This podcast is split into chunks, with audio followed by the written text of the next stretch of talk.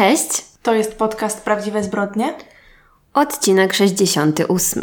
Kochani, dzisiaj zaczniemy od ogłoszeń. Mianowicie y, w tym tygodniu dostałyśmy. Właściwie w zeszłym dla tak, Was. No tak, dla Was w zeszłym. Nie wiem, czy wspaniałą, czy niewspaniałą informację. No taką miłą, no, że zostałyśmy nominowane do nagrody Best Stream Awards, tak to się nazywa. Czujemy się bardzo dziwnie w ogóle, y, mówiąc o tym na głos. To chyba ma być pierwszy raz coś takiego w Polsce. Takie nagrody wszystkiego, co jest streamowane. Bo wiem, że oni tam zaczęli od y, różnych seriali i rzeczy dostępnych na platformach jakichś tam streamingowych, polskich, serialowo-filmowo-telewizyjnych. Pewnie też po to, żeby zdobyć jakieś tam bardziej y, nagłośnienie tego, że tam jakieś celebrytki, aktorki się wkręciły w promowanie głosowanie, potem przeszli w jakieś pewnie YouTuby, nie wiem, bo w sumie nawet nie patrzyłam. Tak, jest YouTube i są też oczywiście podcasty. No i podcasty na samym początku właśnie jak wyszło to, to ja sprawdzałam i tak patrzę jakie tam podcasty są i tam była tylko ta jedna kategoria podcast roku, na którą oczywiście nie jesteśmy O nie. brane pod uwagę. Ale potem zaczęli dorzucać inne kategorie, no i znalazłyśmy się w kategorii podcast faktu, co w ogóle jest dość zabawne. Tak, ale mamy, mm, to znaczy jakby to dla mnie było bardzo zaskakujące. Karolina do mnie napisała, mówi, musisz częściej sprawdzać powiadomienia. No i oczywiście zgadzam się z Karoliną. Bardzo nam jest miło, że znalazłyśmy się w takim super gronie, chociaż No. y, pff, tam jest śledztwo W pisma. ogóle wstyd mi się zrobiło, jak zobaczyłam, że tam Także- jest śledztwo pisma, no. Także masakra, e, bo jakby no... Hmm. I to nie, już nawet nie mówmy o tym, bo nie chcę prowokować komentarzy, kto jest Tak, tutaj ale to w lepszy. ogóle powinna być jakaś inna kategoria, tak, mi Tak, się no. wydaje, bo, bo Oni powinni mieć swoją kategorię. powinni mieć swoją kategorię, którą wygrają, także... Tak, a jeszcze co mnie tam bardzo tak trochę zawstydziło mnie to, że wszyscy tam mają profesjonalne imiona i nazwiska, a u nas jest dwie Karoliny. Oni to z naszego bio wzięli po prostu. Więc my jesteśmy dwie Karoliny. Jeszcze naszego nazwiska, znaczy naszych nazwisk nie mamy Jednego. jednego. My po prostu jesteśmy klonami. Rozmawiamy i jedna z nas rozmawia ze sobą. Tak. I to jest jakby ten taki cały mindfuck tego podcastu, że to tak naprawdę nie jest rozmowa. Tak, właśnie bardzo y, szybko się przymknęłam, bo mm, obiecałam sobie przed rozpoczęciem tego podcastu, że będę opanowywać swój śmiech, natomiast już raz przegrałam sama ze sobą, bo o tym zapomniałam. Musicie y, jakiś czas jeszcze wytrzymać, dlatego że próbujemy poradzić sobie z tymi problemami z dźwiękiem, odkąd y, stosujemy ten mikrofon jako narzędzie do nagrywania, bo Ale ja nie wiem, jest czy to nie jest tak cały kwestia czas. mikrofonu. Nie, po prostu coś źle robimy, nie wiemy, nie jesteśmy w stanie dojść do tego jeszcze co. Będziemy próbować zmieniać dalej różne rzeczy i zobaczymy, czy to coś da, czy nie. I tyle. No, tak.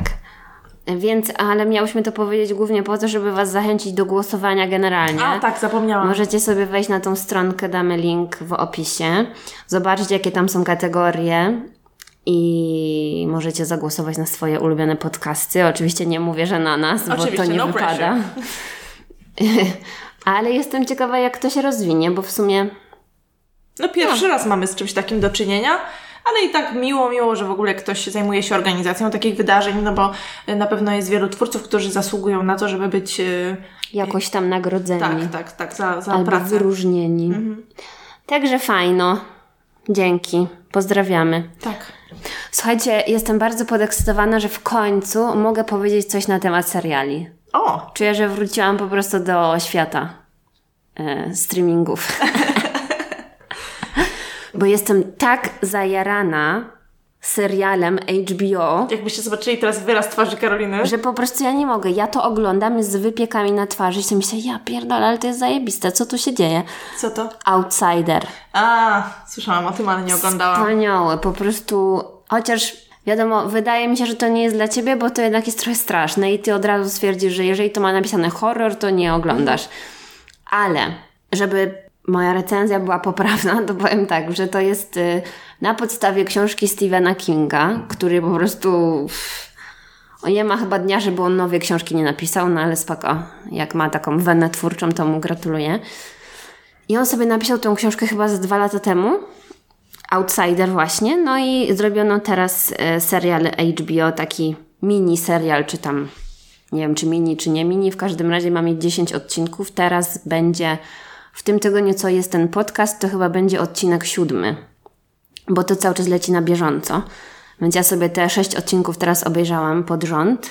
No właśnie, bo tak na dobrą sprawę to jest chyba główna różnica pomiędzy Netflixem a HBO, że HBO jednak dalej trzyma się tego telewizyjnego formatu, powiedzmy, że czeka z odcinkami, tak, prawda? no i mhm. jakby jest w sumie coś w tym fajnego. Przyznam, że tak, że czasami Zależy oczywiście, jakie kto ma nawyki. Jeżeli ktoś y, potrafi popisać się wstrzemięźliwością i nie obejrzeć 10 odcinków naraz, to Jeżeli gratuluję. są dostępne, to wiadomo, że się raczej tak. ogląda. Nikt sobie nie dawkuje przyjemności, ale jeżeli przyjemność jest taka wymuszona, to no teraz ja będę musiała czekać na każdy odcinek i naprawdę już, no już nie mogę. Już nie no mogę właśnie, wytrzymać. a z drugiej strony z Netflixem przynajmniej ja kilka razy tak miałam, że y, okazuje się, że niektóre rzeczy umykają, jak się ogląda tak dużo naraz. No. Um. Nie ma czegoś takiego, żeby no zresztą o Netflixie też zaraz coś powiem, mhm. więc mogę właśnie porównać, bo chyba wydawałoby się, że podobne rzeczy się zadziały na tych dwóch platformach ostatnio. No ale ten Outsider to ma być taka typowa właśnie opowiastka, że jest sobie małe miasteczko i nagle się dzieje jakaś zbrodnia i nie wiadomo co i jak i gdzie. I oczywiście jest ten element horroru w postaci tego, że ta, ten morderca to jest tak naprawdę taka zła siła, no nie? To nie jest jakby spoiler, bo to widać już w pierwszym odcinku, więc oni właśnie w pierwszym odcinku pokazują wszystko, co się wydarzyło, jak na, bez żadnych tam owijania w bawełnę, a potem przez resztę odcinków próbują się dowiedzieć, właściwie wytłumaczyć to. Tak jak ludzie by sobie to mogli wytłumaczyć, którzy nie wierzą w jakieś tam demony. I to jest właśnie bardzo fajne. I czytałam właśnie opinię, bo chciałam się dowiedzieć, czy to ma dużo wspólnego z tą książką, czy nie. No i właśnie pisali w jakichś tam recenzjach, że podobno książka jest taka dość rozczarowująca pod tym względem, jak na przykład film It, to, no mhm, nie? Mhm. Widziałaś to, czy nie? Nie. No bo tam do połowy jest to taki tam horror prowadzony w napięciu, a potem wszystko wychodzi na jaw, po prostu clown od razu mówi o co mu chodzi, jakie są jego złe intencje i dlaczego tak, a dlaczego tak i nie ma żadnej tajemnicy i nie ma czego rozwiązywać. Więc podobno w książce jest tak samo, że on zamiast y, budować to napięcie i grozę przez niedopowiedzenie, on wszystko mówi. Mhm. A właśnie w serialu niby zrobili tak, że wszystko to zostało tak oszlifowane, żeby właśnie wciągnąć widzów w ten klimat takiej tajemnicy. Mhm. Więc ja się obawiam, że to nie zostanie rozwiązane i tak i tak będę musiała tą książkę przeczytać. Ale do tej pory jest naprawdę super. Mimo, że ja nie jestem fanką jakichś tam wymyślnych potworów i innych tych rzeczy, to to jest pokazane w taki z takim smakiem. Nawiązują nawet po prostu do, wiesz, mitologii, że w różnych kulturach były takie stwory i coś tam, coś tam i że może jest jakaś prawda w tych wszystkich legendach i to jest takie niegłupie, mhm. jak to bywa w horrorach, tylko takie mądre. Więc jestem bardzo podekscytowana tym. Ciekawe, ciekawe. No. Nie, nie, mi to tylko migało w internecie. Widziałam, że tam jacyś ludzie właśnie mówili, że to fajnie się zapowiada, ale to już było kilka tygodni temu, mam wrażenie. No tak, bo to leci od y, 6-7 tygodni mhm. po prostu, bo co tydzień jest nowy odcinek. No i równowagą do tego jest Netflix, bo już jak y, okazało się, że musimy czekać na kolejny odcinek, to Netflix. I tam jest coś takiego jak The Stranger. to jest a. w ogóle, wiesz, Outsider, Stranger. Jedno jest Stephena Kinga, a drugie jest tego ha Harla Cobena, czy jakoś mhm. tam. Harlan Coben, mhm. The Stranger. I to akurat już skończyłam, bo oczywiście można było wszystko obejrzeć na raz. Ja chyba raz w życiu przeczytałam jakąś jego książkę i nie byłam. Ale to są takie strasznie fanem. tanie te książki, mi się wydaje. Znaczy fakt, że. E, Przepraszam, mi tanie książki ogólnie nie przeszkadzają. Ja uważam, że czasami zamiast gapić się na tani serial, wolę poczytać tanią książkę. Nie, no ale... jasne, ale chodzi mi o to, że nie, że nie jest to zbyt takie, wiesz, yy, wymagające, bo mhm. tam jest to zrobione na zasadzie takiego kryminału, trzymającego w napięciu i sensacje, i nie wiadomo, co się tam wydarzy, jakieś sekrety, tajemnice, wszyscy są wplątani w jakąś mhm. intrygę. Tak. Wszystko jest takie, o mój Boże. A tak naprawdę za każdym razem jesteś w stanie przewidzieć, co to będzie. Mhm. Że nie ma Nie ma tam nic takiego, że już trzy odcinki wcześniej wiedziałam, y, kto z kim będzie robić coś tam, coś tam. I to takie. No w, ka- w każdym razie obejrzałam to w całości i byłam ciekawa, jak to rozwiążą, ale to było już takie bardziej. "Nie, No, Może fajnie być. Netflix, fajnie, naprawdę, popisaliście się. No to dobrze, że Ty w tym tygodniu miałaś coś do powiedzenia na temat seriali, bo ja niestety nie miałam czasu za bardzo nic oglądać przed spaniem. Obejrzałam co najwyżej jakiś odcinek przyjaciół w tle, robiąc coś na komputerze i tyle. Ale to pewnie będziesz się ze mnie śmiała, ale nie wiem, czy zauważyłaś, czy zwróciłaś uwagę, że wchodzi nowa ekranizacja Emmy do kin z początkiem marca bodajże. No, mignęło mi coś w jakiś trailer, no. Tak, no a że z racji tego, że ja od najmłodszych lat jestem fanką Jane Austen, to oczywiście postanowiłam przeczytać sobie Emmę jeszcze raz i zrobiłam A to. ja to chyba też kiedyś czytałam. Ja lubiłam, w sensie jak byłam w jakimś tam gimnazjum, czy lat 16 miałam, to lubiłam czytać takie klasyczne książki. Ja bardzo lubiłam, no. W zasadzie Jane Austen i, i Conan Doyle to chyba były takie moje dwa, y, dwóch ulubionych autorów przez jakiś czas. No, w każdym razie, no co ma Conan Doyle? No, jedną, jedną rzecz. Em, taką s- słynną. W każdym razie y, to więc zaczęłam czytać Emmę, ale zaczęłam czytać ją ponownie w najgorszy możliwy sposób, bo na telefonie między zajęciami, nie? Czyli w zasadzie zero przyjemności z czytania, bo nie wiem, gdzie jest moja kopia. Miałam kopię po angielsku i po polsku i nie mam pojęcia, gdzie są obie. I to był dla mnie raczej tydzień podcastów z racji tego, że sporo czasu spędzałam w aucie, a tak poza tym to kończyłam późno i już potem raczej tylko szłam spać. No i co słuchałaś? E, No właśnie, mogę spojrzeć i Ci powiedzieć. E, Słuchałam jednego bardzo żenującego podcastu i to jest podcast związany z programem, o którym już mówiłam, mianowicie brytyjskie Love Island. No. E, I oni teraz mają edycję zimową, ja tam widziałam kilka odcinków jakichś randomowych, ale słucham sobie co rano, jak jadę do pracy, na przykład mam na siódmą, oni wcześniej rano wrzucają codziennie odcinek na temat tego, co dzień wcześniej się działo w No, no, no. programie. Więc tego słucham, ale jakby fuj. E, Słuchałam takiego podcastu, który się nazywa Jak e, tak się składa. I przesłuchałam trzy odcinki, bo tyle miały e, chyba wtedy. Teraz jest czwarty, jeszcze go nie słuchałam. I to są dziewczyny, które mm, prowadzą stronę internetową PiggyPeg. A propos kosmetyków, składów, co jest dobre, co nie. A, Bardzo, bardzo miłe dziewczyny i wiesz, ja tą stronę znałam wcześniej, natomiast y, polubiłam głos jednej z nich, bo ona była w dziewczynach z sąsiedztwa. a okej, dobra, Tak. to teraz wiem, co I właśnie ona mówi. wtedy wspomniała, że będą miały swój podcast, czy nawet już mają, i wtedy pomyślałam, o fajnie, bo ja jakby tą stronę kojarzyłam wcześniej, kilka razy coś tam sobie nawet z niej korzystałam. Poza tym słuchałam e, też takiego. Aha, bo tak, u tego, mm, te Impoderabilia czy coś tam, był u niego taki pan, który ma podcast filmowy, ty pewnie go kojarzysz, Michał Oleszczyk. No, znam. On też ma swój podcast, to się tam nazywa Coś tam ze spoilerami. tak, spoiler, spoiler master.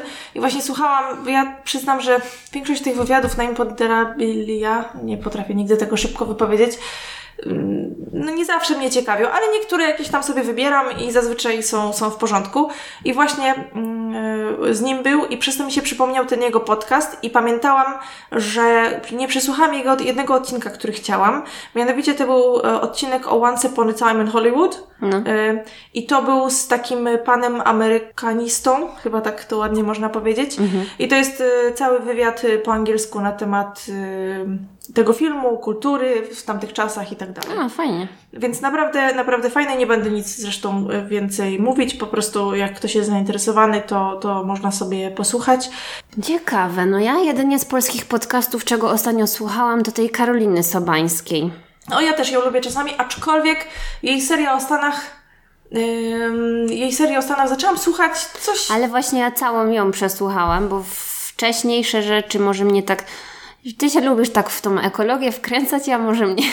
Wiesz, ja nawet nie o to chodzi. Ja po prostu uważam, że ona ma bardzo miłych gości, oni ładnie wszyscy mówią, mówią o rzeczach ciekawych, niekoniecznie ja muszę robić wszystko to, co oni mówią, ale wydaje mi się, że z każdego z tych, z tych podcastów mogę sobie coś tam dla siebie wyciągnąć. Także... No, a ja mam może właśnie jakiś problem, że ja nie lubię słuchać wywiadów. Nie wiem dlaczego. Mnie wywiady jakoś...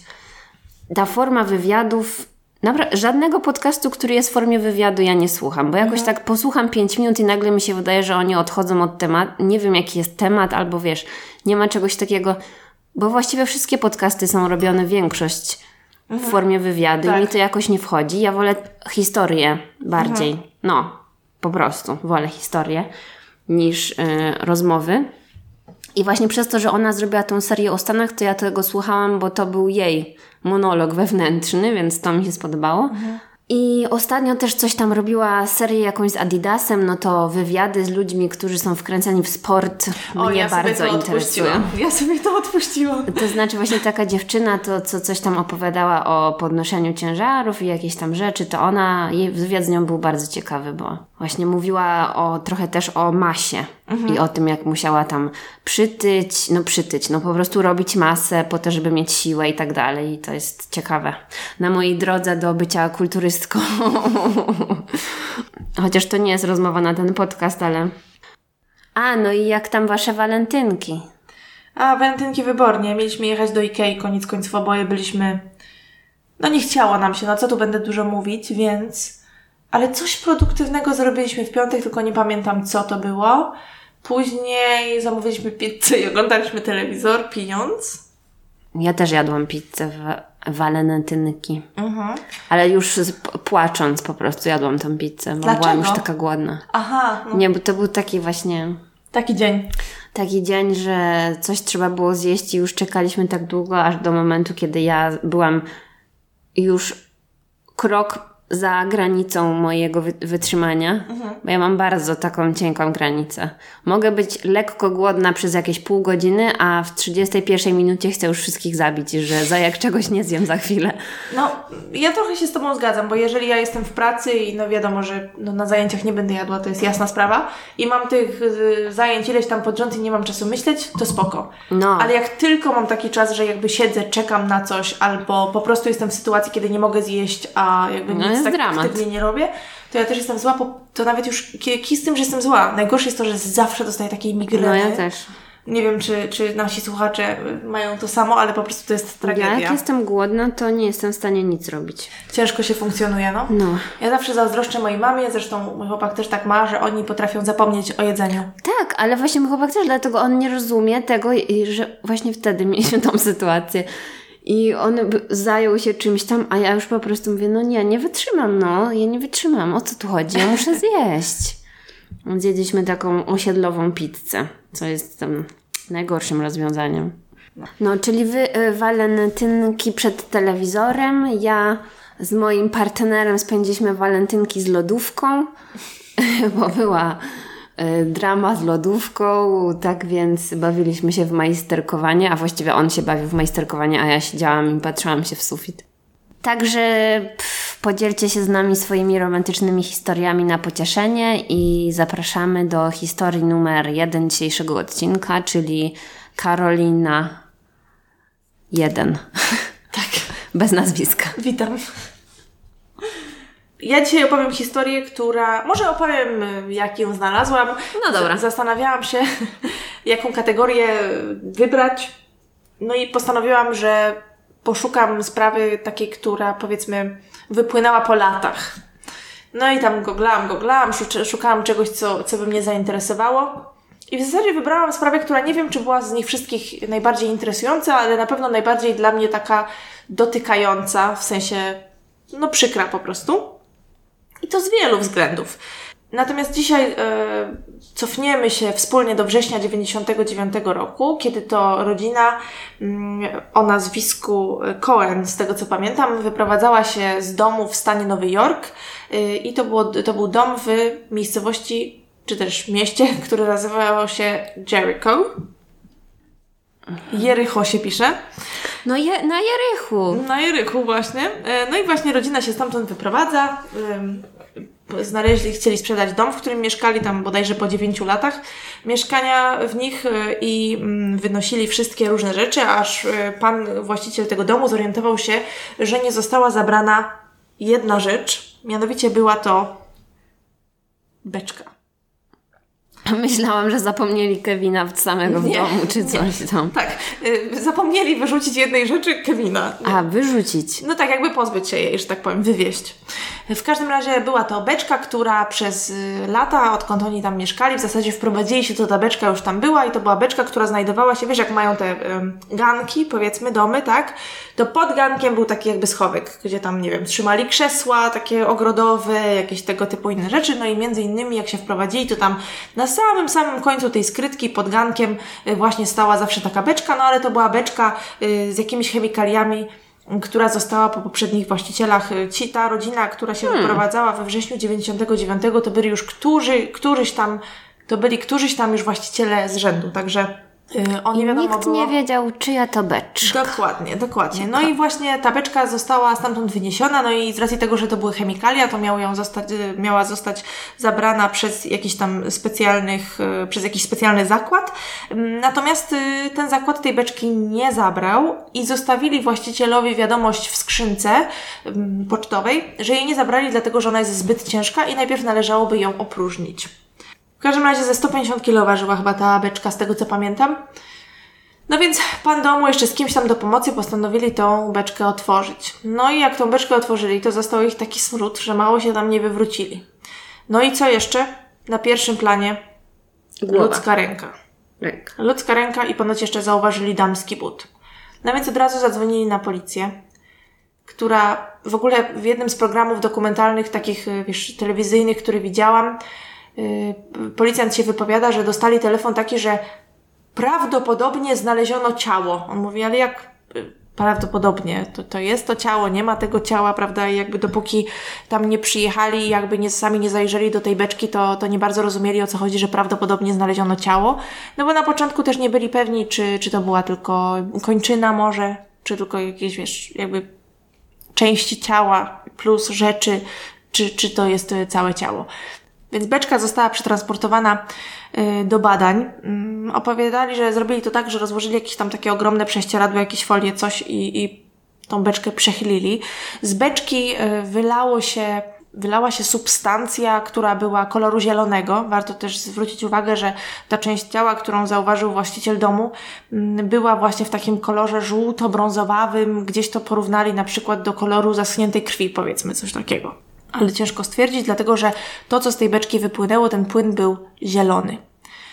No i ku zaskoczeniu y, tych osób, które to ciało badało, y, okazało się, że to nie jest szkielet, że jest to po prostu ciało, całe zmumifikowane ciało.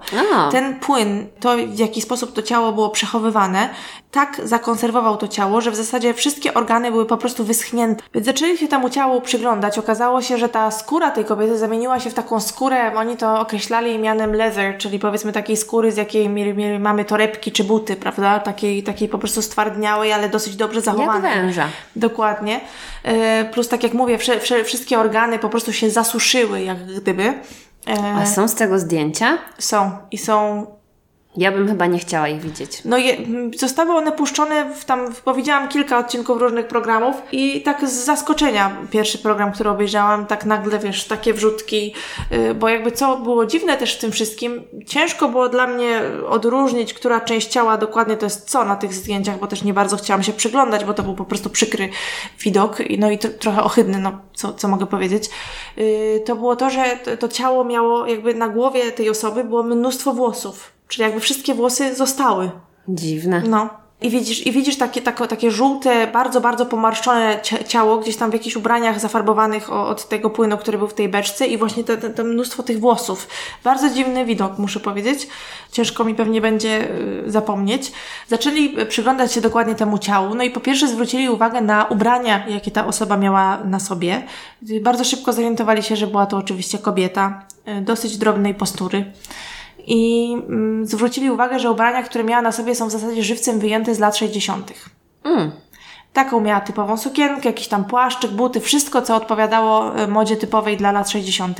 E, więc to tu już, już była powiedzmy jakby pierwsza wskazówka. Kolejną rzeczą były ślady z tyłu jej głowy, gdzie akurat włosy wypadły. I te włosy wypadły z prostego względu, dlatego że tam znajdowały się obrażenia, które ktoś jej zadał i było tych obrażeń y, kilka, to wszystkie były, wszystkie były zadane tępym narzędziem. Y, w niektórych miejscach ta czaszka była tak mocno uderzona, że jakby była pokruszona, przebita. Więc uznano, że to było powód śmierci, właśnie ta, ta, ta, to uderzenia zadane tępym przedmiotem. Kolejną rzeczą, którą zauważyli, było jej zęby. Dlatego, że one też były bardzo dobrze zachowane. I uwaga, uwaga, wiesz co było w nich nietypowego? Że były złote. Wszystkie? Nie, dziewczyna miała złote zęby z przodu. Jakieś tam złote wypełnienia. Z tego co zrozumiałam. No więc y, po tym stwierdzono, że były to wypełnienia i jakby naprawy tych zębów, które były niedokonane w Stanach Zjednoczonych, tylko jakby wytypowali, że była to prawdopodobnie Ameryka Południowa. Okej. Okay. Przy ciele w tej beczce znaleziono również kilka innych przedmiotów. Przede wszystkim był to... Złote sygnety. Prawie. To były dwa złote pierścionki, jakiś tam o, wisiorek. Tak? No bo dziewczyny, no, kobiety często noszą biżuterię. Poza tym znaleziono tam kawałek łodygi z plastikowymi listkami. Taki wiesz, tak jak się, no taki plastikowy kwiatek jakby, w sensie plastikowy, mm, plastikową, kawałek no, plastikowej roślinki. Dokładnie, Boże, dziękuję. Jeszcze 10 minut by mi zajęło, zanim sobie przypomniała, że się mówi sztuczny kwiat. Y, czy też y, ta sztuczna, sztuczna roślina. Y, a poza tym jeszcze jakieś takie fragmenty plastiku. No i oczywiście ten zielony płyn, który ciężko im było na początku zidentyfikować. Poza tym ta kobieta miała też przy sobie taką malutką torebkę, w której miała kilka jakichś tam potrzebnych rzeczy w stylu tam ołówek do brwi, ale również książkę adresową i jakieś dwa dokumenty. Jakieś dwie nie mów mi, że tą książkę adresową dało się odczytać. No właśnie niestety nie, ona była no. ponoć tak mokra, że jakbyś mocno by w nią wbiła dziwne. palec, to ona by się przebiła. No więc zastanawiano się, co z nią można zrobić, dlatego że oczywiście no, nikt nie chciał jej zniszczyć, ale ponoć śledczy wiązali z tą, z tą książką adresową bardzo, bardzo małe nadzieję. Nie, no jasne, ale to by była magia tej y, substancji, jakby jeszcze książka się zachowała. Jakby zachowała ją w 100%. No ale tutaj można było liczyć na ekspertów od właśnie dokumentów i tego typu rzeczy. No więc oni powiedzieli, dobra, no to wrzucimy ją do takiej specjalnej maszyny, która wysusza i zobaczymy, czy w ogóle to cokolwiek da. I czy da się wtedy jakkolwiek sprawdzić tą książkę adresową, dlatego, że oni mają taką maszynę, która to się w skrócie nazywało chyba WSC. Y, w każdym razie chodzi o to, że pod, pod różnymi światłami sprawdzają te kartki, czy jakiś, czy jakiś tusz się nie pojawia tam, wiesz, podczerwone, takie srakie, i w ten sposób y, czasami są w stanie co nieco odczytać. Na przykład w ten, w ten sposób też można analizować dokumenty, czy zostały zmienione, można sprawdzić, co jest pod korektorem. Wiesz, jak ktoś coś tam próbował zatuszować, właśnie dzięki też temu urządzeniu tak jak mówię, wzięli tą książkę adresową do zbadania, czy coś tam się da znaleźć. No ale sama ta beczka była też interesująca, bo poza płynem, który się w niej znajdował, no to mm, z racji tego, że to była beczka z chemikaliami, oczywiście ona miała odpowiednie oznaczenia.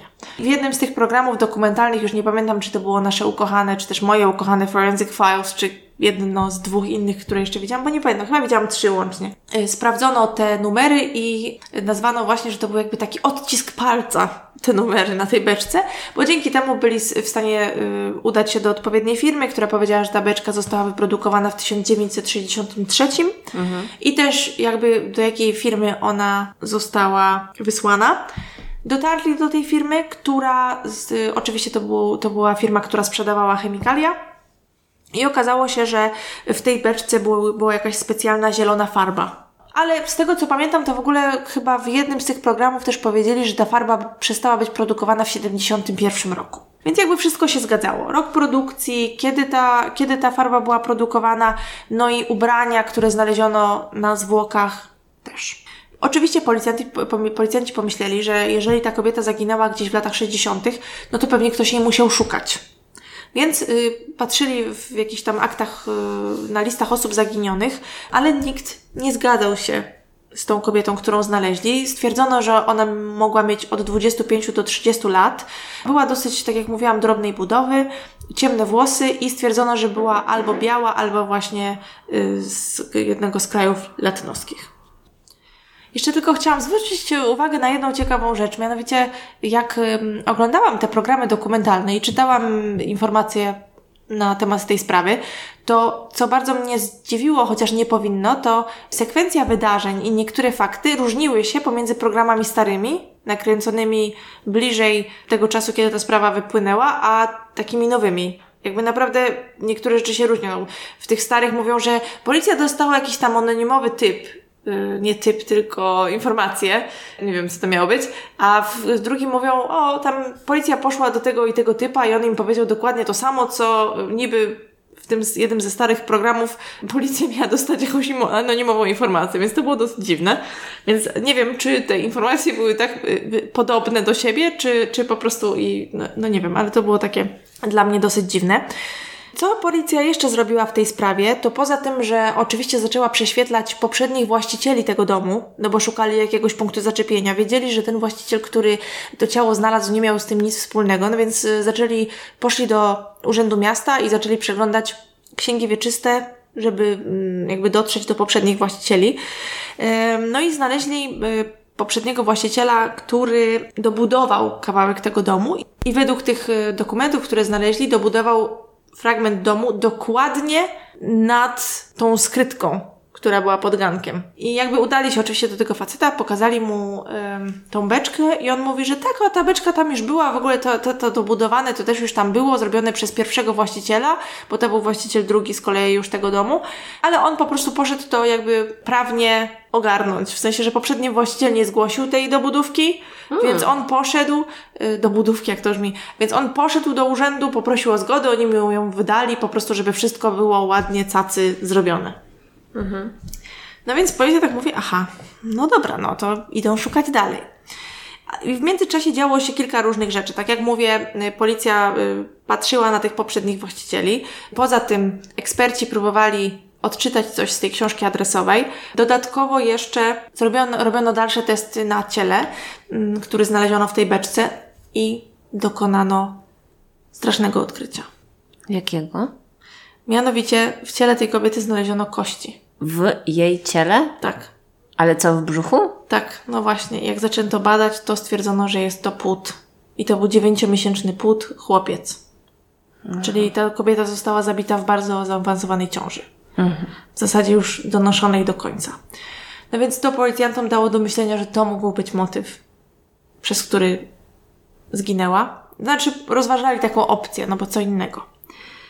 Tutaj eksperci od, od tych dokumentów bardzo się popisali, dlatego że udało im się jednak jakieś informacje z tego notatnika, z, tego, z tej książki adresowej odczytać. Po pierwsze, na jednej z pierwszych stron znaleźli numer, który bardzo pasował do czegoś, co się nazywało Alien Number, z tego co pamiętam, i zostało to potwierdzone przez odpowiedni urząd. Okazało się, że był to rzeczywiście numer nadawany ludziom, którzy dostają zieloną kartę. I okazało się, że kobietą, i właśnie to są różne wersje wydarzeń. W jednych, w niektórych programach twierdzili, że ktoś inny potwierdził tą tożsa- tożsamość, natomiast w tym najnowszym i w kilku innych źródłach mówili, że policjanci mm, z tego numeru dowiedzieli się o tożsamości tej kobiety, więc jakby tym tropem pójdę. I okazało się, że tą kobietą, która uzyskała tą zieloną kartę, była y, pani, która się nazywa Reina Angelika Marokin. I ta kobieta przyjechała do Stanów z Salwadoru w 66. Ona urodziła się chyba w 41, czyli miała no 20 kilka lat, tak? 25. Dokładnie, dziękuję. Interesujące jest to, dlaczego wyjechała. Mianowicie wyjechała z Salwadoru, dlatego że nakryła swojego męża, czy też może nie nakryła swojego męża, męża ale dowiedziała się, że jej mąż będzie miał nieślubne dziecko z kochanką.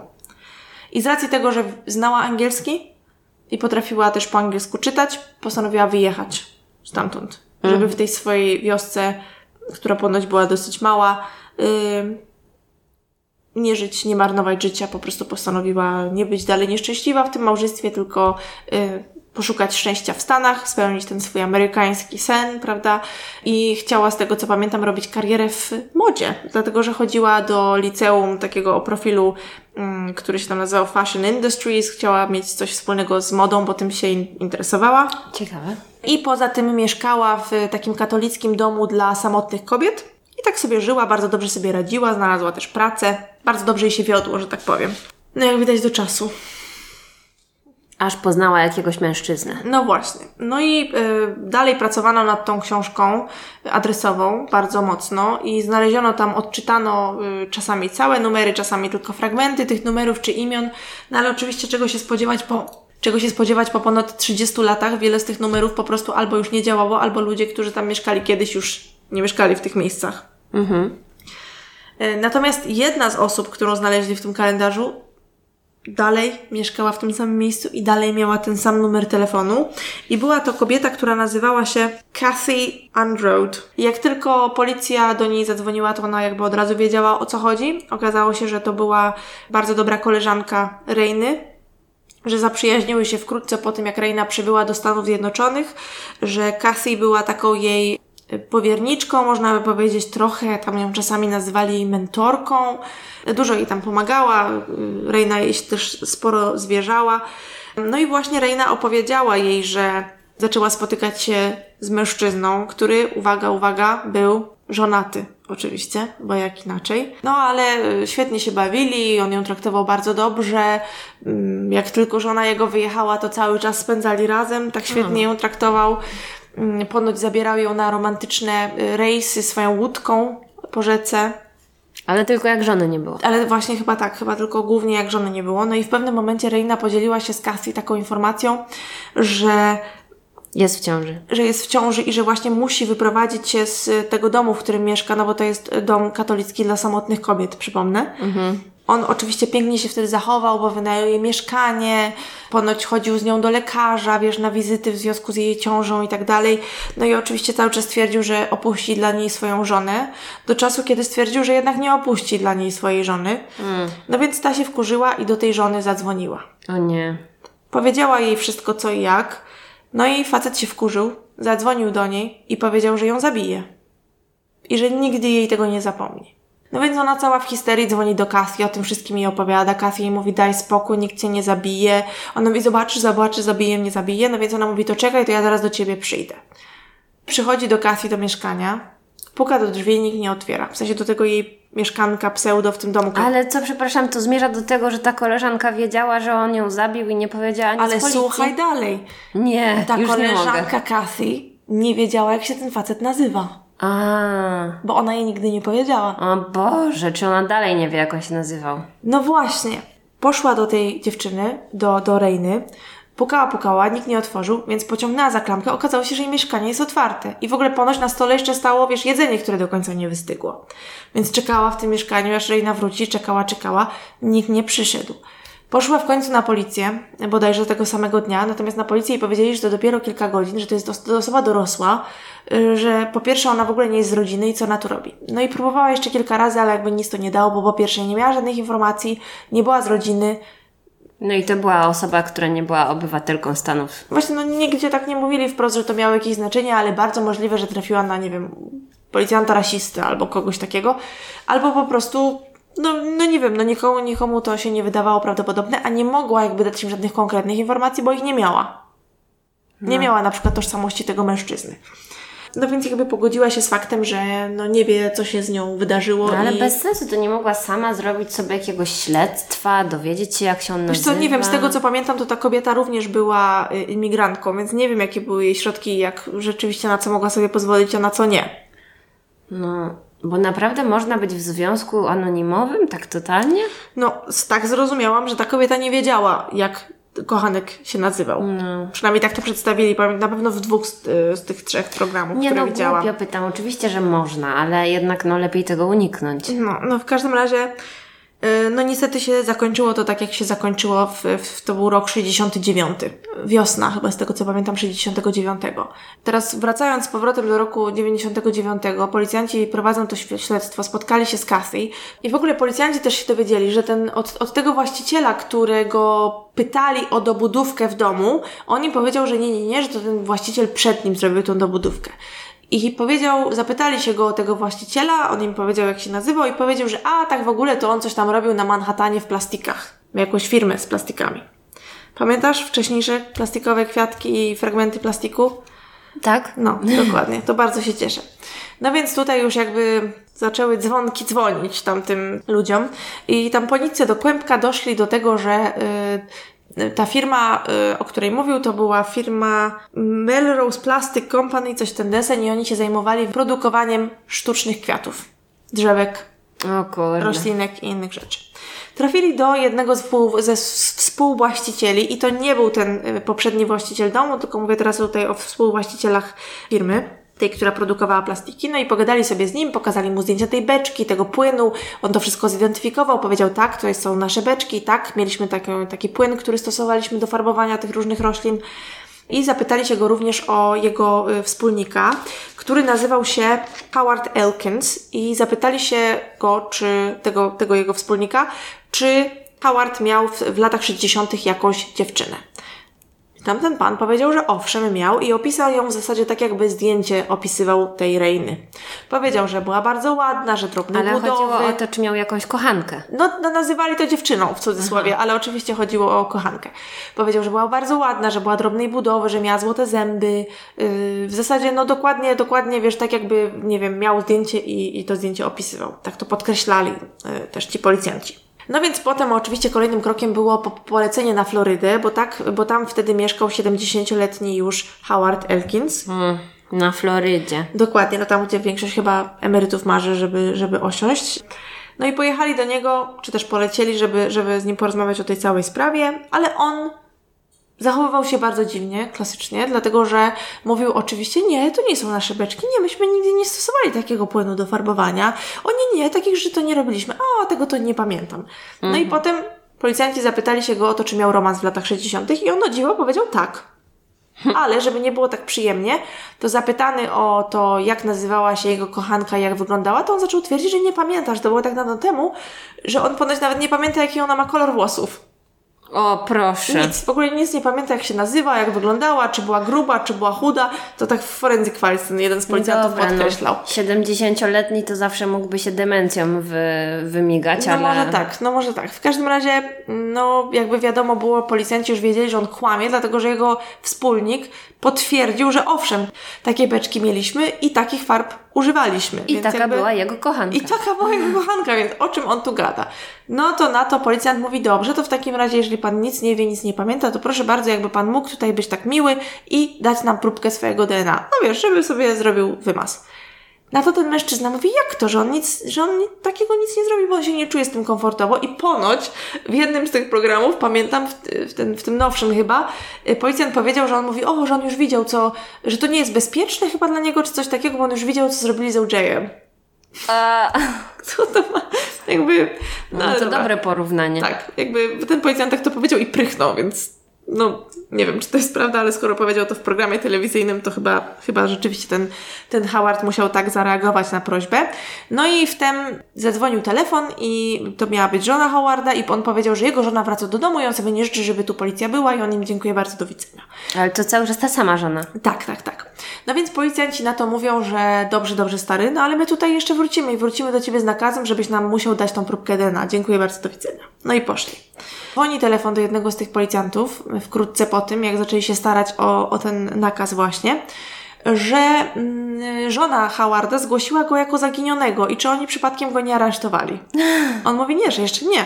No on już uciekł do Meksyku. I tak też właśnie myśleli. Ale lepszy numer wywinął ten Howard. Poszedł na zakupy i kupił sobie strzelbę i amunicję. Poszedł do garażu sąsiada, gdzie wsiadł do auta na tylnie siedzenie i strzelił sobie w głowę. Nie. Tak, strzelbą, w ogóle jakiś absurd. I znaleziono go tak na tylnym siedzeniu, tak bardzo wyciągniętego ze strzelbą między nogami. Więc jakby ta strzelba, wiesz, po prostu musiała mu się e, tak, Kurta Cobaina. tak o, obsunąć, no.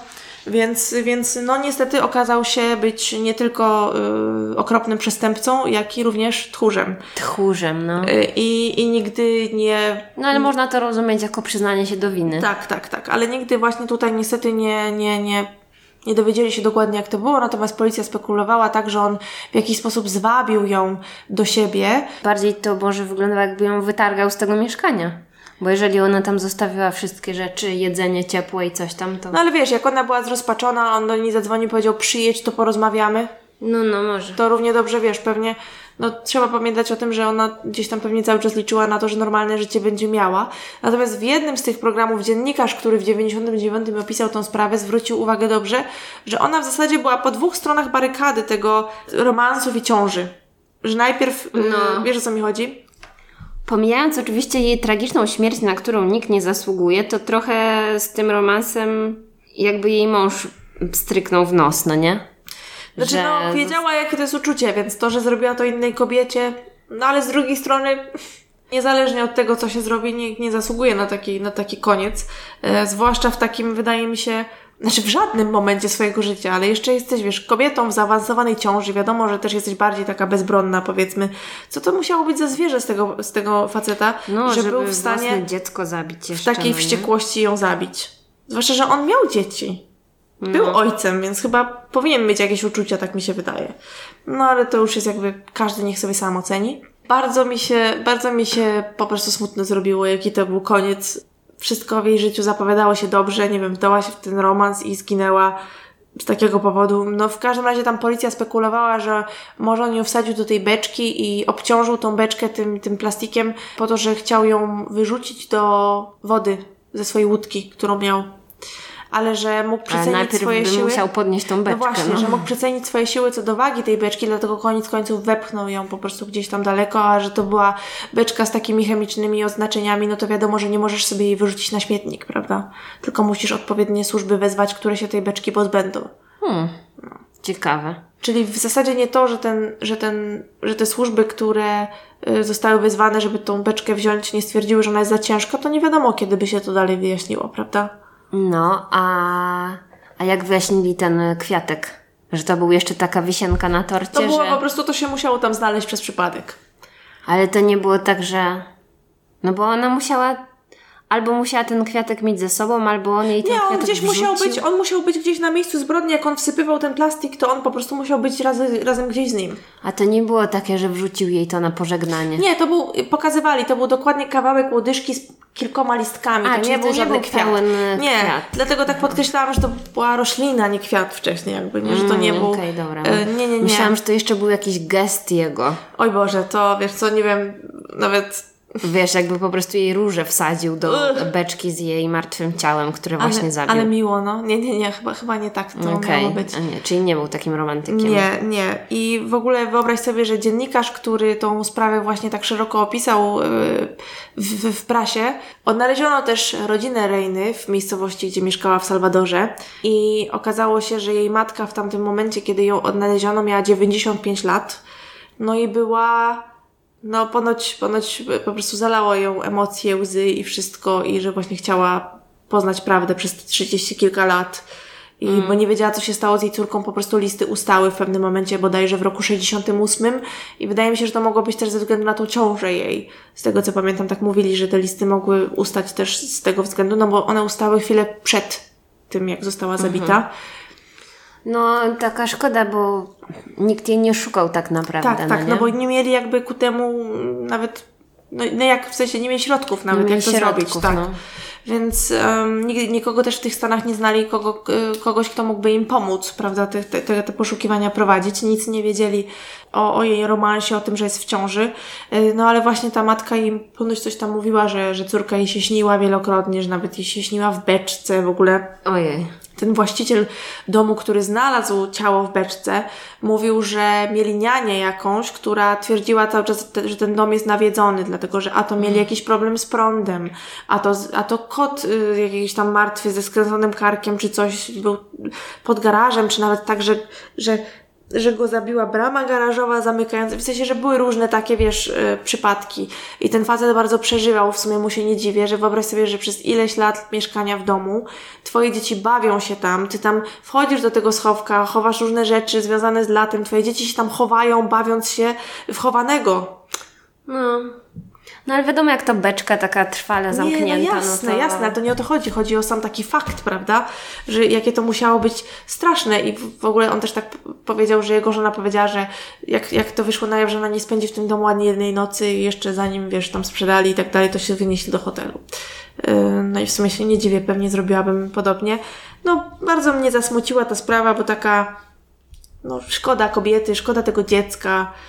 To jest zawsze Szkoda, takie... dla mnie jest najprzy, najprzykrzejsze. No. Nie. Dla mnie jest najbardziej przykre, że nikt jej nie szukał. Znaczy tak, takie teoretycznie. smutne, no. Także nikt nie mógł jej szukać. Mhm. Bo ta koleżanka nawet, no dlatego się tak zbulwersowałam na początku, bo myślałam, że ta koleżanka wiedziała i nic nie powiedziała. Nie, ponoć we wszystkich tych programach i w większości jakichś tam informacji, które, które znalazłam w internecie, to wszędzie podkreślali, że ta kobieta, ta policjanci też ci śledczy o tym mówili, że ta kobieta, jak oni się z nią skontaktowali, to po prostu zalała się łzami A. i była bardzo poruszona. I że wiesz, tam no po prostu Szkoda tej rodziny No, też, no. że myśleli, że córka spełnia swoje marzenia i ma lepsze życie za granicą. a została zabita przez kochanka, który chciał uniknąć y, konsekwencji. No. Jakby jeszcze jakby po prostu, ja nie mówię, że to by było mądre i miłe, ale jakby nie mógł jej po prostu olać, w sensie No. I zostawić ją w No ale to spokoju. właśnie takie czasy, no nie? Znaczy, nie wiem, no łatwo mówić, ja nigdy nie byłam, nie wiem, żoną, kochanką, mężem, ani kochanką w ciąży. Także, no nie, nie wiem, ale no, No ale chodzi mi o to, że takie czasy, że wyszedłby z tego jakiś skandal, może, może. że on by miał jeszcze inne dziecko z jakąś kobietą, nie stamtąd Tak. i, i co? I tą żonę by upokorzył, wiesz. No, wszyscy by byli upokorzeni. Tak, no w każdym razie To trzeba myśleć przed faktem. wsadzeniem. Do- Dobre hasło na kampanię społeczną, pomyśl zanim sadzisz. No, albo się zabezpiecz. Dobra. To teraz zapraszam na zgoła inną historię. Jestem ciekawa. Moja typowo amerykańska. A wiesz, co mi ta moja historia przypominała? Tą twoją z ciałem w lodówce. A no, no, może być, no. Więc dzisiaj kolejna amerykańska historia, którą pff, obstawiam, że wszyscy znają, ale nieważne. I tak takie lubimy. W internecie znana już pod hasłem, mogę powiedzieć od początku, jeżeli ci, ktoś ją zna na, na wylot, to może wyłączyć. Do widzenia. Znana pod hasłem Zbrodnia inspirowana Dexterem. O, klasyk. Klas- Aczkolwiek ja ci powiem, że ja nie znam jakichś takich szalonych szczegółów, więc chętnie wysłucham. Dla tych, którzy nie wiedzą, bo nie wiem, czy wszyscy oglądali serial Dexter, to przypomnę, chociaż ostatnio chyba coś wspominałyśmy nawet o tym. Tak, ty często używałaś tego porównania, no. No bo dla mnie to jest taki klasyk naprawdę. Ja pamiętam, że jak odkryłam serial Dexter będąc w liceum, bo to y, premierę miało w 2006 roku i ten serial leciał do 2013, czyli tam chyba było z 6-7 sezonów, także sporo. I to jeszcze były te klasyczne seriale, które miały po minimum 20 odcinków i każdy po godzinę, także było co oglądać. Tak, ale w ogóle y, przyznam szczerze, ja Dextera od początku do końca nie, do końca nie obejrzałam nigdy. Mi się on średnio podobał, Mm, nie bardzo. ale ten główny bohater, to, ta fryzurka jego mnie zawsze tak rozbawiała, trochę rozczulała, trochę rozbawiała. W ogóle ten aktor był taki dosyć, chociaż dobrze, moim zdaniem dobrze tą rolę grał, ale co- coś było zabawnego w jego postaci. No. Więc Dexter. Wyświetlany był na kanale telewizyjnym amerykańskim Showtime. Oni tam mieli sporo takich klasycznych seriali, na przykład Trawka. Trawka, moja mama zawsze była fanką ogromną No, Weeds, ja, też, no. ja też kiedyś oglądałam. To były czasy, kiedy ja tylko seriale oglądałam, także ja mogę rozmawiać o tym do jutra. No i ja pierwsze sezony Trawki bardzo mi się podobały, jak się w końcu przekonałam, żeby je obejrzeć, ale te Nie, potem już to nie, potem już to nikt tego nie no. oglądał. No, w każdym razie Dexter, tytułowy bohater Dexter Morgan, pracuje w fikcyjnym wydziale Miami Metropolis i oni tam oczywiście zajmują się, e, wydział to jest zabójstw. I Dexter tam jest w ekipie właśnie tych em, techników sądowych, tak to się mówi po polsku. I on właśnie zajmował się analizą śladów krwi. Więc on tam sobie łaził, chlapał jakąś tam czerwoną farbą czy czymś. A, no tak. Mhm. I on potrafił przeanalizować dokładnie, jak kto uderzył, coś tam, żeby zostawić takie ślady krwi. A w nocy zamieniał się w seryjnego mordercę typ Robin Hooda, czyli zabijał wszystkich złych ludzi, bo miał swój e, kodeks. No to takie, to było zabawne, no. Ale pierwszy sezon dla mnie to była petarda, bo czegoś takiego jeszcze nie było. Dla jakiejś tam, nie wiem, 17-letniej Karoliny to było takie wow, kurczę. Super. Widzisz, może ja zaczęłam to oglądać, jak mam za stara. A bohaterem mojej historii jest Mark Twitchell i on urodził się w roku 79 i pochodzi z Kanady. I z samozwańczego zawodu był twórcą filmu, filmów. Samozwań... Przepraszam, samozwańczego zawodu w sensie? No w sensie, że nazywał się filmowcem, ale tak naprawdę nigdy nie zarobił pieniędzy na swoich filmach. Rozumiem. Z zawodu był na przykład sprzedawcą. A, albo okej. jakimś, y, wiesz, handlo- przedstawicielem handlowym. Nie, bo właśnie zastanawiałam się, czy to chodzi o to, że po prostu nie ma takiego wykształcenia, ale w taki sposób zarabia na życie, czy po prostu jemu się wydawało, że jest, czyli to drugie. Jemu się wydawało, że robi filmy i jest świetnym reżyserem. Okej. Urodził się w mieście Edmonton w Kanadzie, jeżeli cokolwiek Wam to mówi.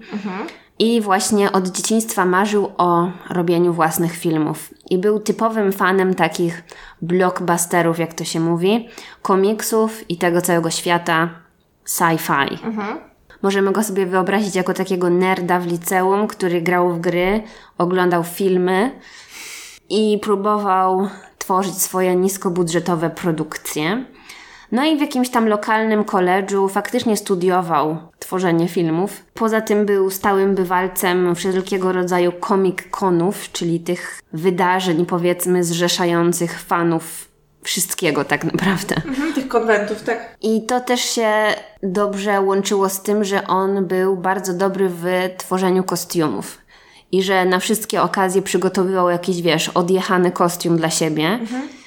O, ja nawet mam doświadczenie z takimi, z takimi sytuacjami, bo byliśmy kiedyś z moim partnerem, jak pole- poleciliśmy do Stanów pierwszym razem, to postanowiliśmy odwiedzić Los Angeles i takim powodem było mm, polecenie na BlizzCona. BlizzCon to jest taki konwent organizowany przez firmę, która, która produkuje gry i nazywa się Blizzard. Może ci, którzy wiedzą, co to jest WoW, czyli World of Warcraft, albo tego typu jakiś StarCraft, to będą wiedzieli.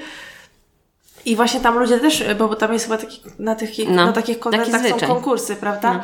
No. właśnie, no i byli ludzie, którzy, niektórzy mieli takie stroje, że ja nie wiedziałam, gdzie mam się patrzeć. W sensie były tak zrobione, jak po prostu żywcem wyciągnięte z tych gier, chociaż ja oczywiście się na tych grach za bardzo nie znam, ale to byłam pod wrażeniem.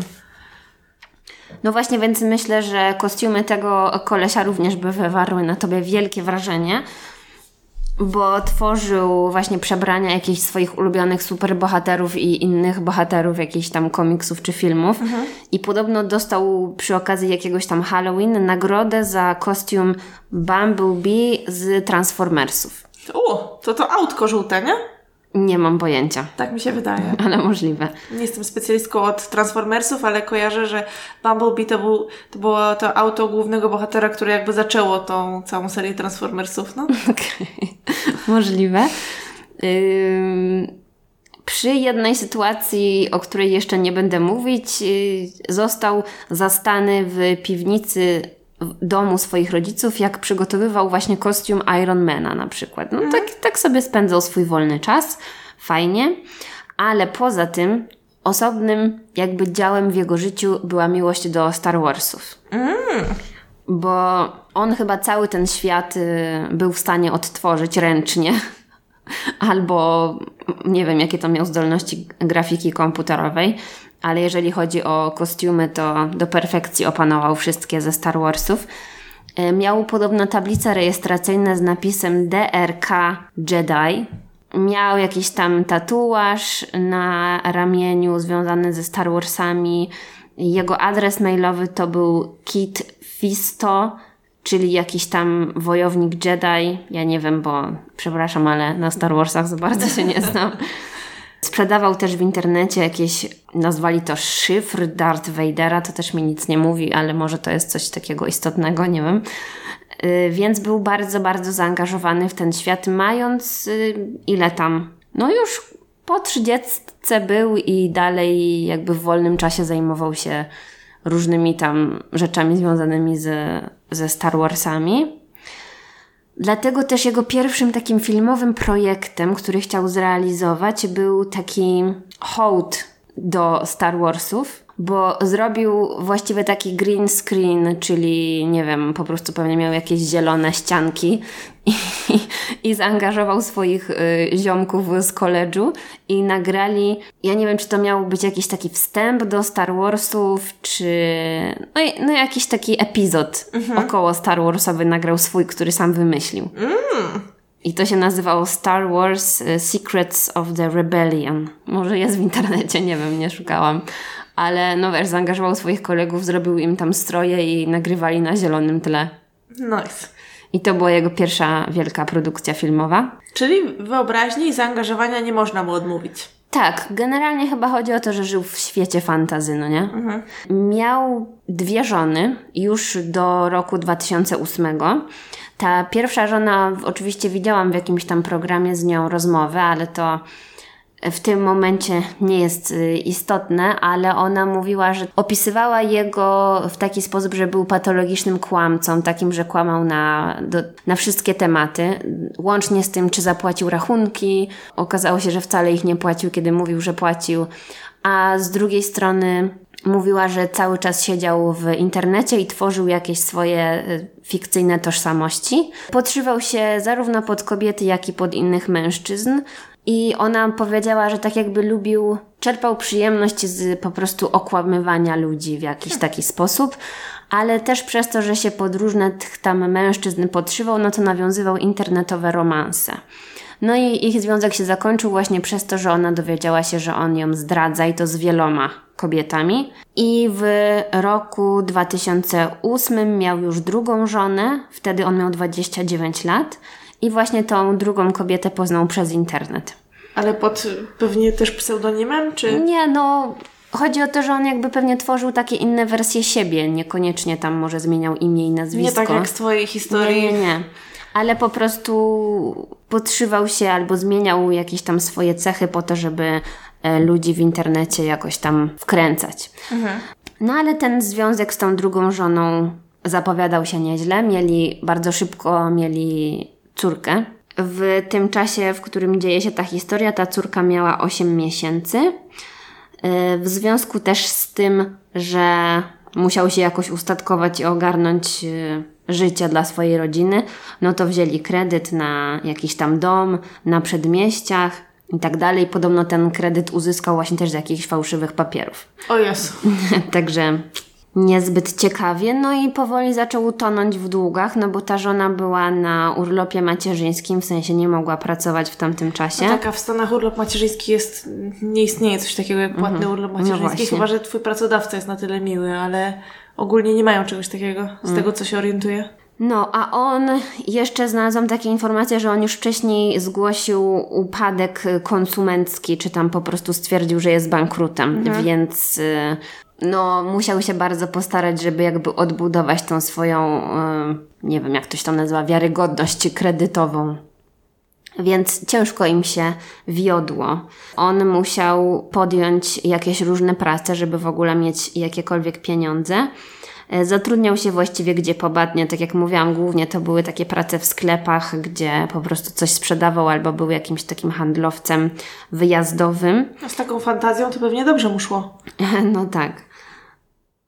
Ale właśnie dzięki tym różnym pracom poznał innych fanatyków, takich jak on, zarówno kina ogólnie, jak i Star Warsów, i stał się takim trochę przywódcą swojej paczki, bo właśnie ci przyjaciele, których tam po drodze gdzieś poznawał, pomogli mu sfinansować y, jego marzenie o byciu na wielkim ekranie, bo właśnie do tych swojej wersji Gwiezdnych Wojen potrzebował pieniędzy, potrzebował też pomocy w budowie w ogóle tego całego planu zdjęciowego, w tworzeniu rekwizytów, więc po prostu miał ziomków, którzy tam mu pomagali w tym i też brali udział jako aktorzy właściwie. W 2008 roku bierze się za kolejny projekt filmowy, to miała być komedia na temat statystów i miała się nazywać Day Players. I koledzy też właśnie pomogli mu w produkcji tego filmu. On bajkopisarz, więc obiecał wszystkim, że to będzie w ogóle wielki hit, że on tam ma budżet na 3,5 miliona, że Alec Baldwin i jakiś Jeff Goldblum i jakiś Justin Timberlake, znaczy jakiś, sorry, nie jakiś, że oni tam będą mieć swoje drobne e, wystąpienia, że on to wszystko zaplanował i że będzie super, no nie? Jakiś jego kolega wszystkie swoje oszczędności wpakował w przygotowanie tego filmu. Drugi jakiś e, zrezygnował z pracy, którą miał na co dzień, bo stwierdził, że będzie brać udział w produkcji tego filmu, więc już będzie, wiesz, milionerem. E, Ale niestety nic z tego nie wyszło. Dziwne. Szok, no. Bo- Brzmiało prawdopodobnie. bo ten nasz Twitchell odszedł z pracy. bez mówienia w ogóle żonie. Tak naprawdę wszystkie pieniądze, które dostał na ten film, to pewnie roztrwonił i wdał się w jakiś kolejny romans i całe życie mu się znowu posypało i właściwie wszystkich okłamał. No i zabrakło mu funduszy, żeby wykończyć ten film Day Players ale musiał mieć jakąś taką siłę przekonywania, no bo wkręcił tych swoich kolegów w tworzenie kolejnego filmu. To już jest ostatni, o którym będę mówić. Nie, czyli, czyli jeszcze nie udało mu się spalić wszystkich mostów. No nie, widocznie nie. I ten kolejny jego film, to ja tak sobie tutaj pozwoliłam dodać od siebie. że ten film miał odwzorowywać jego taki stan umysłowy na tamten czas, ponieważ miał to być taki e, krwawy slasher. A, i to miał być film krótkometrażowy, przynajmniej może szybciej by im to wszystko zeszło. I miał mieć tytuł House of Cards. Także widać bardzo inspirowany. On inspirował się bardzo kulturą mhm. współczesną. Nie, ja myślę, że to na odwrót było. A, a no tak, na pewno. Nie wiem, co było pierwsze, House of Cards y, oficjalne czy jego. Mogłam to sprawdzić. Ale wiesz, zastanawia mnie bardzo, on tak skacze po tych gatunkach, nie? W ogóle bez, bez żadnego zastanowienia. No. Czyli musiał być tak wszechstronnie uzdolniony po prostu. Zdecydowanie. I ten e, jego slasher został nakręcony w trzy dni w, we wrześniu chyba tego 2008 roku. I plan zdjęciowy był w jakimś opuszczonym garażu, który on wynajął dla siebie w jakiejś tam cichej okolicy. I scenariusz tego wspaniałego krótkometrażowego filmu pełen był jakichś tam chorych, sadystycznych akcji, a historia ogólnie miała opierać się na, na tym, że była postać tego killera, mhm. który podszywając się pod kobietę przez internet, zwabił mężczyznę, niewiernego męża, właśnie do jakiejś takiej nieznanej lokalizacji, która miała być tym garażem, w którym oni to kręcili, pod pretekstem właśnie randki. Mhm. I ten e, morderca tam był ubrany w maskę hokejową. Przywiązał tą swoją ofiarę do krzesła i zanim ją zabił, to zażądał od, od tego mężczyzny wszystkich tam jakichś jego haseł internetowych do jakichś tam różnych kont. No i koniec. Potem rozczłonkował jego ciało i tak dalej. Mhm. Więc tak było w tym, w tym ich filmie. A co stało się w rzeczywistości tydzień po skończeniu nagrywania tego House of Cards? Ale jaki, w ogóle zastanawiam się, jaki był związek e, tytułu z... Nie mam pojęcia, ale już się tym... Nie wiem, może tam wiesz, w tle był domek z karty zbudowany może, może. i nie wiem. Właśnie, bo ja jakby. Na pewno symboliczne to miało znaczenie. Do filmoznawcy mi daleko, do nie wiem, jakiegoś um, krytyka y, sztuki też um, szeroko pojętej, ale wydaje mi się, że to. Myślę, że to miało tak symboliczne znaczenie, którego nie jesteśmy w stanie zrozumieć po prostu. Jesteśmy za głupie. Mhm. No więc, tak jak mówię, tydzień później Twitchell e, zwabił nieznajomego mężczyznę do tego samego garażu z zamiarem oczywiście zabicia go tam, mhm. ale ten mężczyzna ogólnie też jest bardzo dużo wywiadów z tym mężczyzną, bo to jest ten, który przeżył. Mhm. Więc koleś trochę, znaczy, no gratuluję ogólnie całej tej sytuacji trzeba się cieszyć z tego, że nie został zamordowany przez jakiegoś świra, ale on wypłynął na tym i wydał książkę i wiesz, był we chyba wszystkich programach jakichś tam telewizyjnych wywiady z nim Był były. u doktora Fila? O, nie wiem, ale tak to wyglądało, jakby z taką ochotą wręcz opowiadał o tym. W zasadzie wiesz co, jeżeli go spotkało coś bardzo złego, niech korzysta, co? No pewnie, bo ten właśnie potraktował go paralizatorem e, właściwie w każdą część ciała, więc naprawdę ciężko mu było się ruszyć, ale długo trwała ta szamotanina, ale w końcu udało mu się uciec, więc naprawdę trauma na, wiesz, na mhm. całe życie. No. E, bo tam w końcu udało mu się chyba jakoś wyczołgać i na ulicy zobaczył jakichś ludzi, bo to było w takiej cichej, opuszczonej właściwie okolicy były te garaże, więc nie za bardzo miał jak wołać o pomoc, ale w końcu trafił na jakichś ludzi i oni mu e, no, pomogli.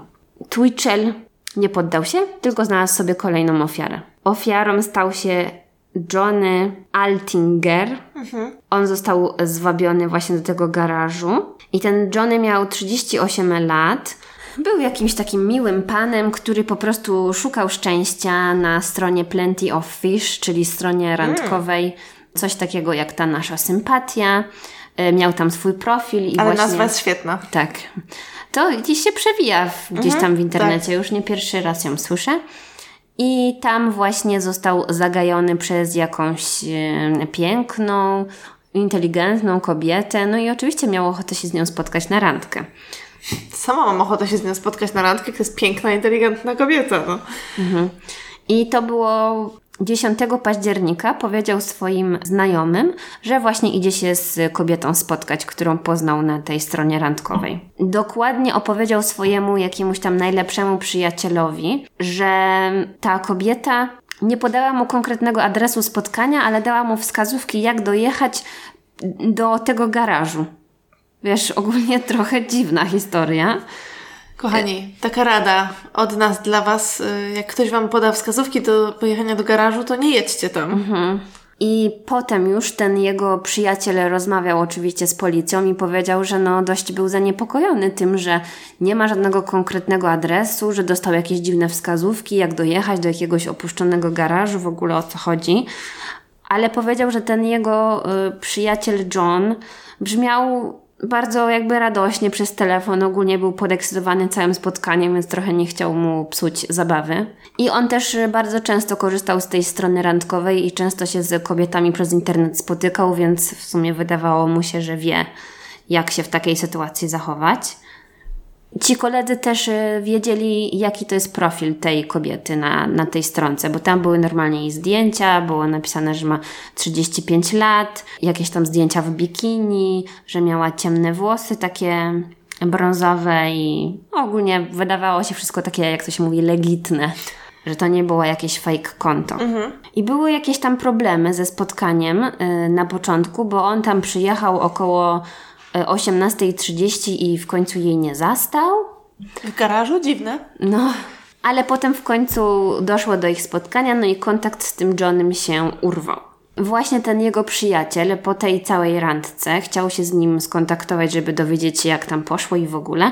No ale niestety ten jego Johnny nie odpowiadał. Poza tym oni też byli umówieni na konkretne spotkanie, żeby tam sobie pojeździć na motorach i też nie pojawił się ani nie odwołał tego spotkania, a to było zupełnie nie w jego stylu, no bo oczywiście znali się długo, no i tak by nie wystawił swojego ziomka. Tamto ich spotkanie chyba było w piątek, więc w poniedziałek Johnny wysłał swoim przyjaciołom maila. No, to był rok 2008, więc może wysyłanie jakichś grupowych maili nie brzmi tak dziwnie jak dzisiaj. Teraz to się robi grupy na Messengerze. Tak. I napisał im takiego maila. Poznałem wspaniałą kobietę, Jen, i ona zaoferowała, żeby wziąć mnie na tropikalną wycieczkę. Zatrzymamy się w jej domku letniskowym na Kostarice. Czyli klasyczna love story Tak. z portalu randkowego. Y, Wszystkie kobiety i mężczyźni oferują sobie romantyczne wakacje y, w tropikalnych krajach. No. Tak. I jeszcze dopisał, że mm, w najbliższym czasie wyślę Wam mój nowy numer telefonu. I to było w październiku, tak jak mówiłam, więc on napisał, że do zobaczenia e, na święta Bożego Narodzenia, bo tak planował chyba wrócić. Podpisany Johnny. No i oczywiście jego przyjaciel powiedział, że ten mail brzmiał strasznie dziwnie, bo podobno ten John nienawidził, że nienawidził upałów, więc dziwne by było, że chciałby pojechać w ogóle w jakieś takie mm, tropikalne miejsce. I że w ogóle ten mail oczywiście nie pasował do stylu, w jaki on się wypowiadał, bo zawsze pisał jakieś tam żarty czy coś, a tutaj był, brzmiał zupełnie jak nie on. Kochani przyjaciele, informuję, że Tak. Więc y, przez następne y, dni przyjaciele byli coraz bardziej zaniepokojeni całą tą akcją, więc y, pojechali do jego mieszkania i włamali się przez okno. No bo chcieli zobaczyć, co on tam zostawił. Zobaczyli, że jest jego paszport, jest jego walizka, jakiś tam zestaw do golenia też został w domu, więc wiadomo, że jakby to są rzeczy, które raczej się zabiera ze sobą, jak się planuje mm, pobyt y, kilkumiesięczny w ogóle gdziekolwiek indziej. A na pewno paszport, no bo jeszcze golarkę to sobie kupisz, prawda? A No. paszportu gorzej na pewno można, ale nie tak łatwo. Poza tym jeszcze coraz bardziej podejrzane było to, że e, szef tego Johnego również dostał maila od niego, w którym było napisane, że on odchodzi, ponieważ e, rozpoczyna nową drogę życia i że w ogóle nie wróci do pracy. Wszystkiego dobrego, pa. Firma powinna mu jeszcze wypłacić e, około 1500 dolarów. Więc ten szef zapytał się go, no dobra, spoko, ale mamy dla ciebie jeszcze pieniądze. Pracowałeś u nas tyle czasu, no to w sensie chcę ci te pieniądze oddać. Tak. Podasz jakiś adres, na który mogę te pieniądze przelać, to nie odpisał. No kto by nie, nie chciał dostać pieniędzy? No, zwłaszcza jak rozpoczyna nową drogę życia. Mhm. Chociaż, przepraszam, ale jeżeli Jen miała dom na Kostaryce, to ją pewnie było stać na to, żeby go utrzymać. No tak, może po prostu zmienił y, swoje życie na to, żeby zostać utrzymankiem kobiety, którą poznał przez internet. Też fajnie. Mogłoby tak być. Mogło mu się poszczęścić. Chociaż ja wiem, że nie, ale. I co? Jeszcze jakaś inna osoba, w ogóle jakaś żona kolegi, a ta żona nie miała za bardzo kontaktu z tym Johnem. Jako, wiesz, dziesiąta osoba z rzędu napisała do niego, gdzie jesteś, odezwij się, martwimy się o ciebie. I on spośród wszystkich tych osób wybrał akurat tą kobietę, żeby do niej odpisać. I to też było strasznie głupie, no bo powinien odpisać swojemu najlepszemu przyjacielowi, a nie jakiejś y, żonie kolegi z pracy. Więc y, i napisał, y, nie martwcie się, y, jestem na wakacjach i jest zajebiście. My tu śmiechy, chichy, ale, To jest tragedia, no. ale zaraz zobaczycie, co się wydarzyło. No i jeszcze pozostała jedna rzecz, czyli samochód tego Johnego. I samochód zaparkowany był gdzieś właściwie chyba pod domem tego Twitchella. No i to od razu naprowadziło policję e, na niego został zabrany na przesłuchania na policję dwukrotnie. Za drugim razem na przesłuchaniu na policji zaczął opowiadać, że ten John sprzedał mu swój samochód, jakieś takie niestworzone historie opowiadał, że właśnie ten John wybierał się na tą Kostarykę i dlatego chciał sprzedać swój samochód, ale no policja zupełnie nie kupiła tej historii, więc y, od razu go aresztowali 31 października 2008 roku i oskarżyli go o morderstwo pierwszego stopnia. A jeszcze w międzyczasie właśnie tych przesłuchań Twitchell zaczął wysyłać maile do swoich ziomków, mówiąc im, żeby nie rozmawiali z policją, wiesz, że znowu coś tam mi nie wyszło, ale jeżeli policja do was coś zagada, to powiedzcie, że nie musicie im odpowiadać, wykorzystajcie swoją jakby szansę tego, że nie musicie nic mówić i że w ogóle nie angażujcie się w to, bo to są jakieś bzdury, no nie? I tak pisał kilkukrotnie do swoich znajomych jakieś tam grupowe wiadomości, co też no nie świadczyło zbyt dobrze o nim. Jakie dowody znaleźli podczas y, najpierw przeszukiwania jego mieszkania, to chyba jest takie najbardziej słynne, powiedziałabym, bo na jego komputerze był dokument, który był nazwany SK Confessions, czyli miał to, miało to oznaczać Serial Killer Confessions wyznania seryjnego mordercy.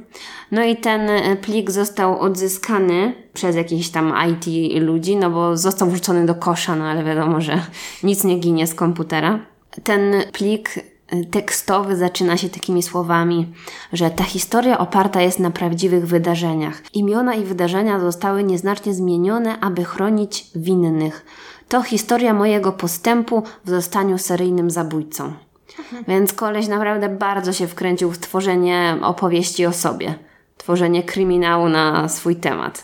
Tam opisał właśnie planowanie zbrodni, tą pierwszą nieudaną próbę morderstwa oraz drugą udaną próbę zwabienia mężczyzny do jego garażu i zamordowania go. Opisywał tam swój fałszywy profil randkowy i to, że właśnie używał to jako swoją przynętę. Opisał również proces rozczłonkowywania ciała i próby pozbycia się tych szczątków ciała. Tak więc no, za dużo nie ukrył przed policją, mimo że dał tam na samym początku notatkę, że to jest y, jakieś tam zmyślone, no ale Fikcyjne, nie. No, brawo. Ale powiedz mi, czy tam też spisał powód, dla którego robi to, co robi? E, nie, ale jeszcze znaleziono drugi dokument, który był zatytułowany Profil psychopaty. Ale napisali gdzieś tam w jakimś tekście, który czytałam, że ten dokument profil psychopaty nie został uznany jako dowód, bo były z nim jakieś tam problemy. Tam z kolei była taka ewidentna analiza siebie wykonana przez niego. Mhm. Więc y, najprościej by było powiedzieć, że koleś naoglądał się za dużo filmów, do tego jeszcze dodając tą fascynację Dexterem, no bo już potem w wywiadach z nim jak ta sprawa trafiła do sądu i oczywiście do mediów, no to on zupełnie nie ukrywał się z tym, że on się fascynuje serialem Dexter i że on chce być taki jak Dexter i że to jest w ogóle super. Więc on jakby tak, wiesz, stworzył taką historię, że on z natury jest seryjnym mordercą i on robi to, co musi. Jakby taki mit o sobie stworzył. Boże, co za głupota, no. Więc y, chyba po prostu tylko o to chodziło. Ludzie są jednak strasznie niebezpieczni, czyli jego y, wybujała fantazja z, pozwoliła mu uwierzyć w takie rzeczy? Chyba tak. No wiadomo, moglibyśmy tutaj się rozwodzić nad tym, że był właśnie patologicznym kłamcą, że lubił wykorzystywać ludzi, że nie miał żadnego, wiesz, poczucia odpowiedzialności. Zero moralnego kompasu widać. no. no. I co? No, nie trudno było go oskarżyć, bo on przyznał się do tego morderstwa. Zresztą nie miał za bardzo jak się wywinąć po tym, jakie dowody znaleźli u niego. Zresztą też wydaje się, że był taki trochę z tego dumny, no bo to w przypadku takich osób, no to jest też e, normalne. Więc został skazany na dożywocie bez możliwości zwolnienia warunkowego przez 25 lat. I tak jak mówiłam, właśnie ta sprawa była bardzo, bardzo nagłośniona przez media. Także obawiali się właściwie, że nie będą w stanie dociągnąć procesu, no bo nie dało się tej ławy y, przysięgłych jakby odizolować od mediów, tak. mhm. bo historie po prostu były tworzone cały czas, nawet gdzieś wszystkie tam gazety lokalne i nielokalne miały jakichś swoich dziennikarzy, którzy na żywo postowali z procesu. Nagłośniony był strasznie. Szkoda, że tam Insta Stories nie kręcili jeszcze, nie? Prosto tak. z sali sądowej. Wydaje mi się, że teraz mogło to by być możliwe. Więc on wykorzystał to zainteresowanie mediów i próbował to obrócić w to, że proces był poprowadzony zupełnie nie na jego korzyść i chciałby wnieść apelację. Mhm bo uważał, że ta ława przysięgłych nie była właśnie taka bezstronna przez to, ale sam porzucił swoją apelację mm, chwilę później. Więc może po prostu ktoś mu odradził, żeby lepiej tego nie robił. I no właściwie to by było na tyle, jeżeli chodzi o samą sprawę, ale jeszcze mam kilka ciekawostek, że w grudniu 2012 roku właśnie aktor grający Dextera, czyli Michael C. Hall, został zapytany w wywiadzie właśnie o tą sprawę, co on myśli, no bo to w mediach przeszło pod hasłem właśnie takiej, takiej zbrodni inspirowanej Dexterem, co dla twórców serialu jest strasznie obraźliwe. Mhm, no tak. Bo nie ma to nic wspólnego z Dexterem. Koleś... Ile było seriali kryminalnych, jakby no. to... Ale to, że jakby on był, po, ten koleś wydaje mi się w pierwszej kolejności był po prostu fanem. Mhm. On był y, takim chorym fanem pewnych rzeczy, no nie? Mhm. I Star Warsów i może potem tak się strasznie wkręcił w Dextera, bo jakoś przemówiło to do jego duszy, no może faktycznie było tak. Czyli miał takie skłonności. Tak, że może mógł się bardzo, bardzo utożsamić z tym bohaterem, no ale Wątpię, żeby twórcy tutaj byli jakkolwiek winni, więc ten aktor ogólnie powiedział, że no wiadomo, bardzo przykre, ale że on zupełnie nie sądzi, żeby, Dex, żeby serial Dexter miał jakikolwiek wpływ na, na ludzi, no bo to już by było dość naciągane. Jak ktoś chce, sobie znajdzie jakiś pretekst. Tak, no właśnie, że jeżeli on miał takie e, zapędy mordercze, no to wiadomo, że prędzej czy później by to zrobił. To oglądanie m, takiego serialu raczej się do tego nie przyczyniło. Inną ciekawostką jest to, że powstała książka, która nazywa się The Devil's Cinema i ona była napisana przez jakiegoś tam pisarza w kolaboracji z tym Twitchelem. Nie, no. to, to, już jest tak żenujące. Jak można takie rzeczy robić? I właśnie opisali tam całą sprawę, proces i pewnie takie, wiesz, insiderskie historie prosto od tego mordercy. No i właśnie druga, no to, to, to już nie możemy się z tego śmiać, ale mimo wszystko jest to dość zabawne. W 2005 roku właśnie ta jego ofiara pierwsza, która e, uciekła, to pan nazywa się Jill Terretot, nie wiem, jakieś ma francuskie nazwisko, Ten właśnie. ale książka nazywa się The One Who Got Away. To brzmi jak jakaś niespełniona miłość albo coś w ten deseń, przepraszam, nie? Bo to tak... Tak, no. A jednak nie, to ma znaczyć, że ten, który u, No tak, uszedł z życiem. I Po to jest często właśnie. tego używają no, w jakichś takich filmach romantycznych. Albo piosenkach czy... jakichś. Tak, tak, tak, no. no, więc to ma być y, właśnie taki memuar y, tego mężczyzny, który uszedł z życiem. Może, wiesz, potrzebował tego jako terapii albo potrzebował pieniędzy. No i jedno i drugie, proszę bardzo. Taką traumę przeżył, że... Tak. Także to tyle. Znalazłam tą historię jakiś czas temu i tak trzymałam ją jako rezerwową, więc stwierdziłam, a dobra, no w sumie. Nie no, jest taka dosyć, jakkolwiek to źle zabrzmi, rozrywkowa, więc... Tak, no zawsze ciekawie posłuchać o osobach, które są naprawdę odstrzelone w kosmos. Ja tylko W złym co, znaczeniu. Ja w ogóle nie, nie zagłębiałam się w tą historię nigdy, ja tylko pamiętałam właśnie, że był typ, który zwabiał swoje ofiary i jemu się wydawało, że jest Dexterem. Tyle, jakby tylko tyle wiedziałam. No na szczęście tych ofiar nie było dużo. No tak, tak, na szczęście nie był y, mm, seryjnym zabójc- zabójcą odnoszącym sukcesy. No, także dziękujemy Wam dzisiaj za uwagę i do usłyszenia za tydzień. Do usłyszenia.